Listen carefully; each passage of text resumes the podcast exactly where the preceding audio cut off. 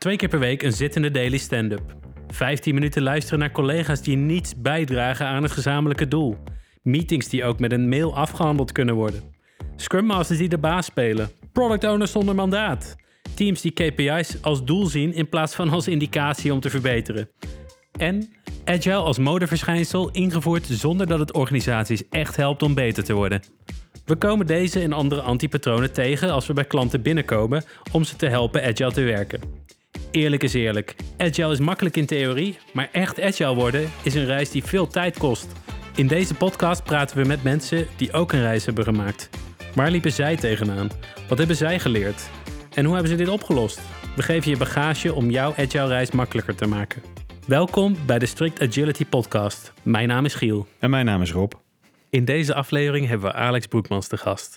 Een ervaren product owner met al enkele jaren ervaring in het werken met agile en lean methodologieën. Vandaag deelt hij zijn inzichten over hoe je een succesvolle product owner kunt zijn en worden. En ook hoe je effectief kunt bijdragen aan het bouwen van waardevolle producten voor jouw organisatie. Alex heeft lang gewerkt bij de Port of Rotterdam en is ook actief geweest bij het LEES, het Lean Agile Center of Excellence. Dat is een soort kenniscentrum waar uh, ja, veel uh, agile uh, expertise aanwezig is. In die tijd was hij ook enthousiast trainer en workshop facilitator om het agile binnen het havenbedrijf Rotterdam van de grond te krijgen. Welkom Alex, echt superleuk dat je er bent. Dankjewel. En ja, met jou kunnen we praten over hoe het nu echt is om, om product owner te worden nadat je zo lang coach, docent en trainer bent geweest. En hoe is dat, hoe is dat voor je? Ja, het is, een, het is een hele stap geweest. Je hebt natuurlijk uh, een paar jaar lang uh, echt gekeken naar de, naar de theorie. Je hebt uh, geprobeerd de beginselen ook achter agility goed te begrijpen, zodat je dat kan overdragen aan anderen. En dan, ja, eigenlijk van de een op de andere dag kom je in een organisatie waarbij je het dan in één keer in de praktijk moet gaan, gaan toepassen. Um, en dan kom je met uh, al je theorieën onder je arm kom je binnenlopen. En uh, ja, dan blijkt dat er in de praktijk toch best wel wat dingen zijn die, die in de theorie niet verteld worden. Of die aan een organisatie zo afhankelijk zijn dat het, het zomaar ja, neerzetten van zo'n theoretisch model best wel een uitdaging blijkt te zijn. Leuk, uh, Alex. Want ik hoor ook aan je verhaal dat je uh, gestart bent en dat het anders bleek te zijn. Dus je kwam niet in een gespreid bedje waarbij uh, de plek van product owner al helemaal ingevuld was en mensen wisten wat ze ervan konden verwachten. het zal een behoorlijke struggle geweest zijn, denk ik. wat is je grootste leerpunt geweest op dag één dat je binnenliep bij een organisatie als nieuwe product owner? Nou, wat voor mij nogal het, het, het, het mooiste was, en daar was ik natuurlijk in mijn gesprekken destijds ook wel achter gekomen, maar Ehm, de term product owner werd wel iets anders geïnterpreteerd dan, uh, dan de theorie hem voorschrijft. Dus ehm, het bedrijf waar ik begonnen ben, die dachten echt aan uh, ja, de, letterlijke vertaling. Iemand die eigenaarschap pakt op het product. En waren nog veel minder bezig met de volledige agile kant die achter de term product owner zit. En dat heeft wel uh, ja, wat uitdagingen met zich meegebracht. Dus toen ik, ja, dan, dan begin je met het uh, neerzetten van een aantal eh, agile uh, basisprincipes. En dan blijkt dat toch best wel wat vragen op te roepen in een organisatie. Van, goh, ben je nou aan het doen? En het gaat hier al jaren anders. En dan zit er ja, een soort natuurlijke weerstand. van, goh, we doen toch jaren op deze manier. En we hebben dit wel eens geprobeerd, maar het lukt niet. Waarom zou het nu wel lukken? En dan, ja, dan blijkt dat er toch best wel veel dingen nog moeten veranderen... voordat je echt met, met agility aan de slag kan, kan gaan. En dat is dan best wel lastig. Want je, wat je vanuit je theoretische kennis meeneemt, dan weet je op welke elementen je wat moet, uh, moet veranderen. Op, uh, op managementniveau, op, uh, op, op teamniveau, op, qua transparantie, qua metrics. En ja, dat, zeker wanneer je het dan in je eentje moet doen, dan is dat wel heel veel tegelijkertijd. En dan is een organisatie ook niet altijd ingericht om zoveel veranderingen op zoveel facetten tegelijkertijd aan te kunnen. En dan is de grote vraag, ja, waar begin je mee? Ja, dat is interessant. En waar ben je dan mee begonnen? Ja, waar ben je dan mee begonnen? Ja, logische vervolgvraag. Nou ja, uiteindelijk, uh, wat het een van de eerste dingen die ik gedaan heb, is uh, eigenlijk al die theoretische modellen die ik in, in de jaren daarvoor geleerd heb. En de belangrijkste daarvan, die heb ik uitgetekend. En die heb ik in mijn, in mijn kantoorruimte, waar ik ook met, met mijn ontwikkelteam zit, heb ik die allemaal gewoon tegen de muur aangeplakt. Niet per se meteen aan iedereen uitgelegd wat het betekenen, maar je merkt gewoon, mensen komen binnen en mensen zien drie cirkels op een muur en die denken, hey, wat betekenen deze drie cirkels? En uh, uh, ja, dan, dan komt het gesprek een beetje van natuur op gang. En ja, dat was een van de eerste dingen die ik gedaan heb. En wat ik verder wel geprobeerd heb, is gewoon transparant te zijn. Dus aan eigenlijk heel de organisatie laten zien van dit zijn wij van IT, dit zijn we aan het doen. En het gebeurt nu zo en ik wil bepaalde veranderingen gaan doorvoeren, namelijk een bepaalde introductie van agility. En dat moet gaan zorgen voor uh, snellere realisatie of uh, betere oplossingen, dat, dat soort dingen. Ja. Nou ken ik de drie cirkels. Ik kan me voorstellen dat er luisteraars zijn die denken, waar heeft hij het over als hij het over drie cirkels heeft? Volgens mij bedoel je de drie cirkels die over elkaar liggen, zoals Henrik Knieberg die ooit getekend is. is en wat is uh, de main focus van de product owner? Wat is de main focus van het team? Wat is de main focus van de Scrum Master? Correct. Geeft hij heel duidelijk aan waar de spanningsvelden zitten. Kwam je ook in een, die, trouwens de link daar naartoe zullen we in de show notes opnemen, mocht je daar verder willen kijken.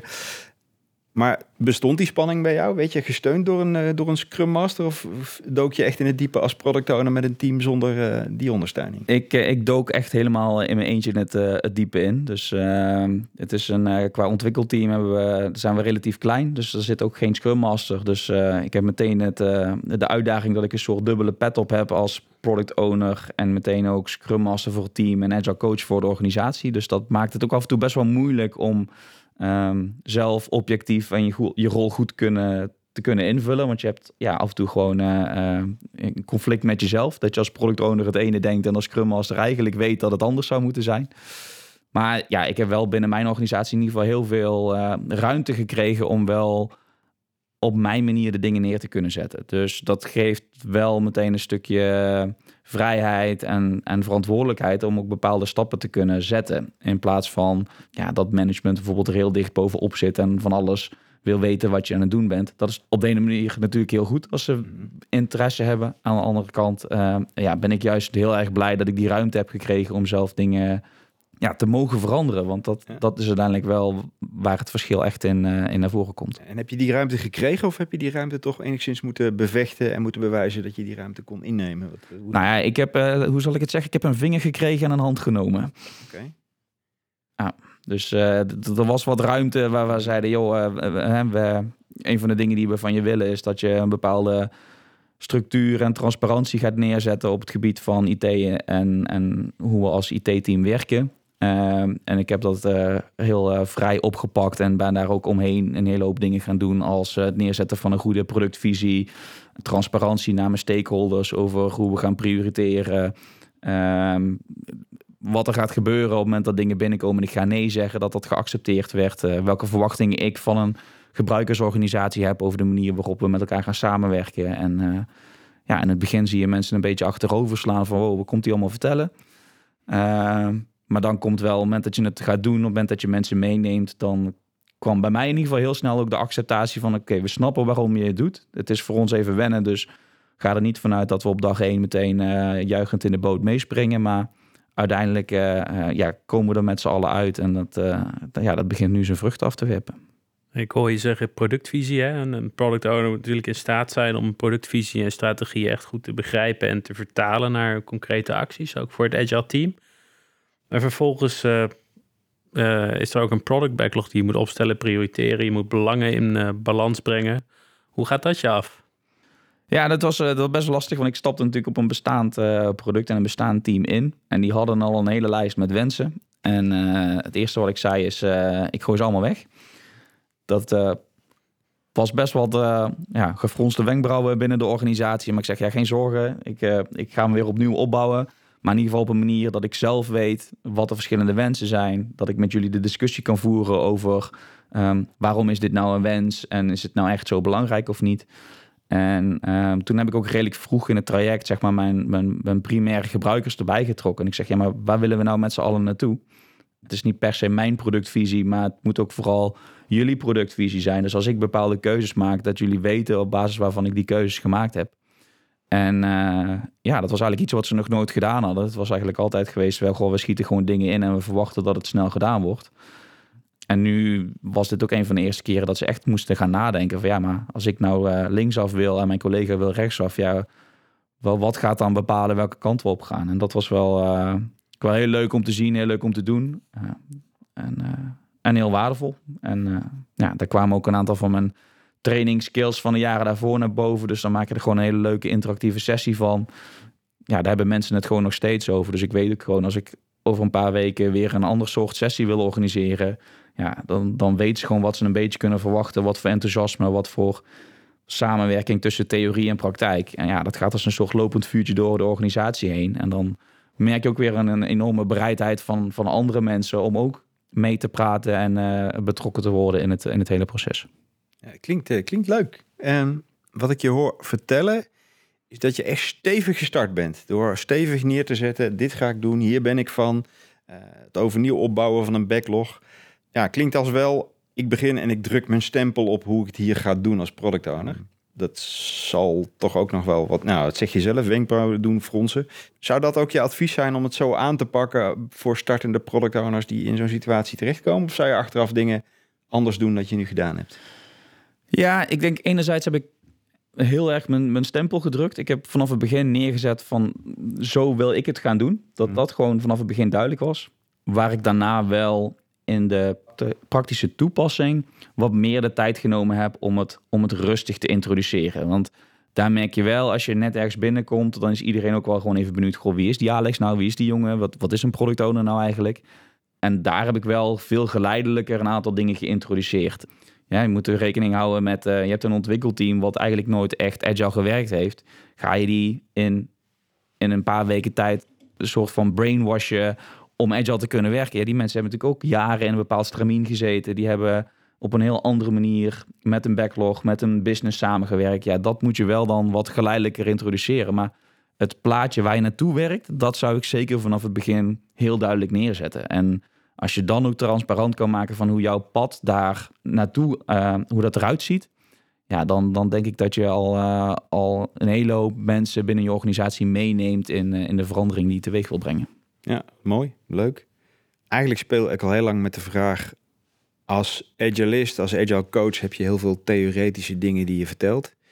welke van die dingen dacht je achteraf als product owner, ja, dat hebben we eigenlijk wel iets, iets te nadrukkelijk aangezet, want daar heb je helemaal nog niet zoveel aan. Eh, is er iets waarvan je zegt dat overdrijven was agile coaches door daar veel energie op te dat is, een, dat is een goede vraag. Aandacht op te leggen. Uh, ja, zit ik echt even, even na te denken wat ik daar echt... Uh, ik zit echt even, even na te denken of er een bepaald kenmerk is uh, van, van agile werken waarvan ik denk, goh, daar, daar hamen we heel hard op. Wat ik, wat ik zelf merk, we zaten heel erg eh, in de tijd van het agile coachen op het meetbaar maken van succes, van je resultaten, van je roadmap. En ik merkte daar dat ik het, ik denk dat ik daar de, de juiste, de zachte kant om het even zo te noemen, dus het, het meekrijgen van de mensen om, om te snappen welke verandering er gedaan moet worden, dat ik die belangrijker vond dan het echt meetbaar maken van de resultaten waar je naartoe aan het werken bent. Dus om in het begin te accepteren dat je ehm, misschien toch nog steeds bezig bent met niet de meest waardevolle dingen, maar dat je bezig bent in de transitie daar naartoe. En dat je nog niet heel hard bezig bent met KPI's, met cijfers, met metrics, maar eerst bezig bent met het meekrijgen van de mensen. Want dan worden die metrics daarna ook veel waardevoller. Dan gaan die mensen ook wat vertellen van oké, mijn velocity is gestegen of gedaald.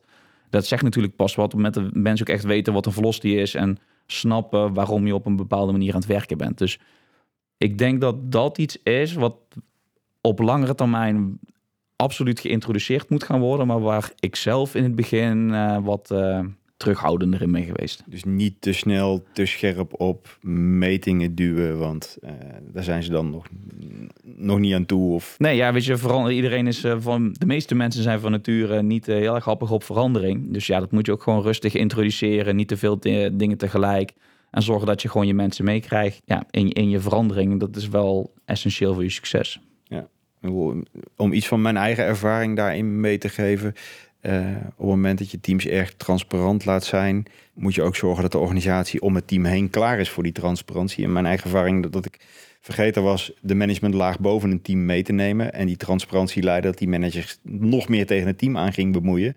Omdat hij zag wat er misging. En dat is natuurlijk wat je eigenlijk niet wil. Dus de hele, het, hele, het geheel inrichten zodat een team kan omgaan met die transparantie. Maar ook de managementlaag eromheen is een belangrijke stap. Speelde dat zoiets bij jullie ook? Of? Nou ja, ik, ik, ik heb uh, mijn eigen leidinggevende redelijk snel kunnen overtuigen dat hij zelf dan het team wat meer los moest laten. Wat hij in het begin eh, wat minder deed. Dus dat was al heel fijn. Wat bij mij uh, op een gegeven moment gebeurde, doordat ik een bepaalde transparantie aan het creëren was, was dat er andere afdelingen in de organisatie ineens pijnlijk, op, uh, pijnlijk werd dat hmm. die niet transparant waren. Of dat die ehm, een, een iets lagere performance hadden. Dus toen bleek in één keer dat mijn introductie van agile werken ook een effect had op een, of op een, op een afdeling die totaal niet met agility te maken had. Maar het feit dat wij vanuit IT een eh, transparantie begonnen te creëren, een bepaalde werkwijze en een bepaalde structuur begonnen neer te zetten, dat daardoor in één keer uh, bij andere afdelingen duidelijk werd van hé, hey, daar, daar mist ook nog het een of het ander. Terwijl ja, en dat, dat, uh, dat zorgde weer voor een heel andere dynamiek, organisatie breed, zeg maar. Ja, en zorgt het dan voor weerstand aan die kant? Of gaan zij ook mee in het meer transparant worden en leren van wat jullie doen? Nou, dat laatste. Je ziet dan in één keer van... hey, op het moment dat wij bepaalde dingen communiceren... of dat we bepaalde dingen laten zien... ja, dat dat ook weer binnen de organisatie een positief effect heeft. Dus uh, um, ja, waar het in het begin dan uh, even schrikken is van... oh, hey, er gebeurt in één keer wat bij ons ook... zonder dat we dat direct wat mee te maken hebben gehad... Uh, zie je wel dat daar nu ja, ook een aantal dingen worden overgenomen... en, en, en uh, frequentere communicatie en het transparant maken van bepaalde ontwikkelingen. Wat niet per se met het agile werken te maken heeft, maar gewoon met, dat, met de organisatiecultuur. En ja, dat is wel gewoon heel leuk om te zien. Je hebt daarnaast ook natuurlijk je, je definition of done, die je helpt bij het, het duidelijk maken. Hè? Die, dus die randwoorden die je meegeeft aan zo'n team van wanneer is werk dan af. En ook de, de sprint goal, dus wat is de scope. Dat helpt dan weer. Ja, dat is alleen niet mijn sprint goal natuurlijk. Hè? Het, en nee, dus niet mijn definition of dan. Precies, dat is de onderhandeling met het team. Dus die, die stel je ook samen op. En dat maakt die transparantie misschien ietsje minder eng. Maar hoe, hoe gaan die onderhandelingen jou af in het team? Nou ja, dat is, uh, ik, ik kwam ook in een team terecht met best wel wat ervaren uh, ontwikkelaars. Die uh, in, de, in de afgelopen jaren, nou ja, in, in, een soort watervalachtige manier hadden kunnen en mogen ontwikkelen. Dus voor hen was het ook best wel een verandering om in één keer nou ja, in een vaste cadans terecht te komen, om uh, in één keer een retrospectief te moeten doen en met, met collega's te moeten praten over hoe ze de afgelopen sprint nou ervaren hadden. Dus in het begin was dat voor hen heel erg wennen, want ze moesten zich best wel kwetsbaar opstellen, ook naar elkaar toe, naar mij toe. Dus ja, in het begin zie je daar wel een bepaalde nog terughoudendheid. Maar ja, op een gegeven moment gingen ze ook zelf zien van hey, zo'n zo'n retrospective. En als we een planningssessie goed voorbereiden, dan heeft dat voor ons ook in een keer heel veel waarde. Want daardoor kunnen we uh, makkelijker samenwerken, zijn dingen van tevoren uh, beter afgestemd. En uh, ja, dat is dan ook gewoon mooi om te zien dat, dat bepaalde veranderingen nu ook een soort van geïnitieerd lijken te worden door de ontwikkelaars zelf. En hè, stiekem denk je dan bij jezelf, ja, hè, ik heb bepaalde triggers de afgelopen weken neergelegd in de hoop dat ze het zouden oppakken. En, als het dan ook lukt, dan geef je jezelf stiekem ook een klein klopje op je schouder van hey, ze zijn zelf met het idee gekomen om de retrospectief niet alleen maar over uh, de tools te hebben, maar ook een keer over de communicatie. Weet je, dat zijn wel gewoon leuke, leuke ontwikkelingen eh, om aan de achterkant te zien, zeg maar. En dat denk dat het ook belangrijk is dat je uh, niet alles alleen maar oplegt, maar dat je mensen op een gegeven moment zelf ook het idee moet geven dat ze zelf ook bijdragen aan de, aan de transitie en met hun eigen goede ideeën komen. En ja. ja. Hey, een, een ander onderwerp wat natuurlijk voor de product owner van, van belang is, maar voor het team ook, is, is de review. Hoe loopt die bij jullie en, en, welke waarden haal je uit een review? En wat, wat is je rol als product owner binnen zo'n uh, zo'n review? Kun je daar iets over, over kwijt? Ja, nou ja, we, toen, ik, toen ik begon als product owner was er eigenlijk geen review. Dan werden er releases gedaan en dan werd er een documentje als het een beetje mee zat naar de organisatie gestuurd van goh, kijk, we hebben weer wat, mm. wat online gezet. En een van de eerste dingen die ik, uh, die ik wel ben gaan doen, is de, de, de gebruikersorganisatie veel dichter tegen het, uh, tegen het team aanplakken. Echt actief meenemen bij het, bij het testen, bij het meeontwikkelen, om echt die, die, die waardecomponent nog eerder naar voren te trekken. Ja, en dan zie je ook op het moment dat je gaat releasen. Een van de eerste dingen die ik dan uh, bijvoorbeeld gedaan heb, is vertegenwoordigers uit de gebruikersorganisatie uitgenodigd om bij de release aanwezig te zijn. Enerzijds om na de release een bepaald test te kunnen uitvoeren, maar anderzijds om ook gewoon met het team een bepaalde discussie te kunnen voeren uh, tijdens het eten, tijdens de pizza. Van goh, eh, wat hebben we nou eigenlijk gedaan? Wat hebben we eraan gehad? En zo zie je eigenlijk een soort informele review ontstaan. Wat ook weer voor een bepaalde acceptatie zorgt bij een gebruikersorganisatie. Op het moment dat er een keer iets wat minder snel gaat als dat je dacht dat het zou gaan. Of dat iets toch wat moeilijker blijkt te zijn. Omdat er dan gewoon een bepaalde ja, kennis en acceptatie over en weer is. En ja, ik, ik merk dat, dat, dat echt het moment van de review, dat, dat ik dat nog volledig moet introduceren. Maar ik heb zeg maar mijn broodkruimeltjes neergelegd en iedereen komt langzaam uh, de, de, juiste kant op.